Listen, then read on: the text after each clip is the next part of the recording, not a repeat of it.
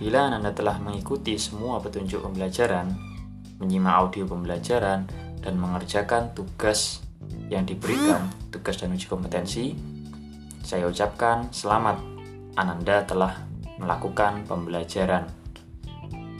Saya harap Ananda sekalian sudah mengetahui dan mendapat pengetahuan dapat mengaitkan pengetahuan yang sebelumnya Anda memiliki dengan pengetahuan baru yang baru saja Anda pelajari sehingga Ananda dapat menceritakan kembali isi cerita imajinasi dengan baik.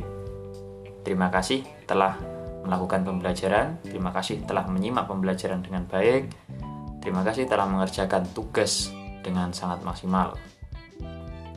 Sekian, wassalamualaikum warahmatullahi wabarakatuh.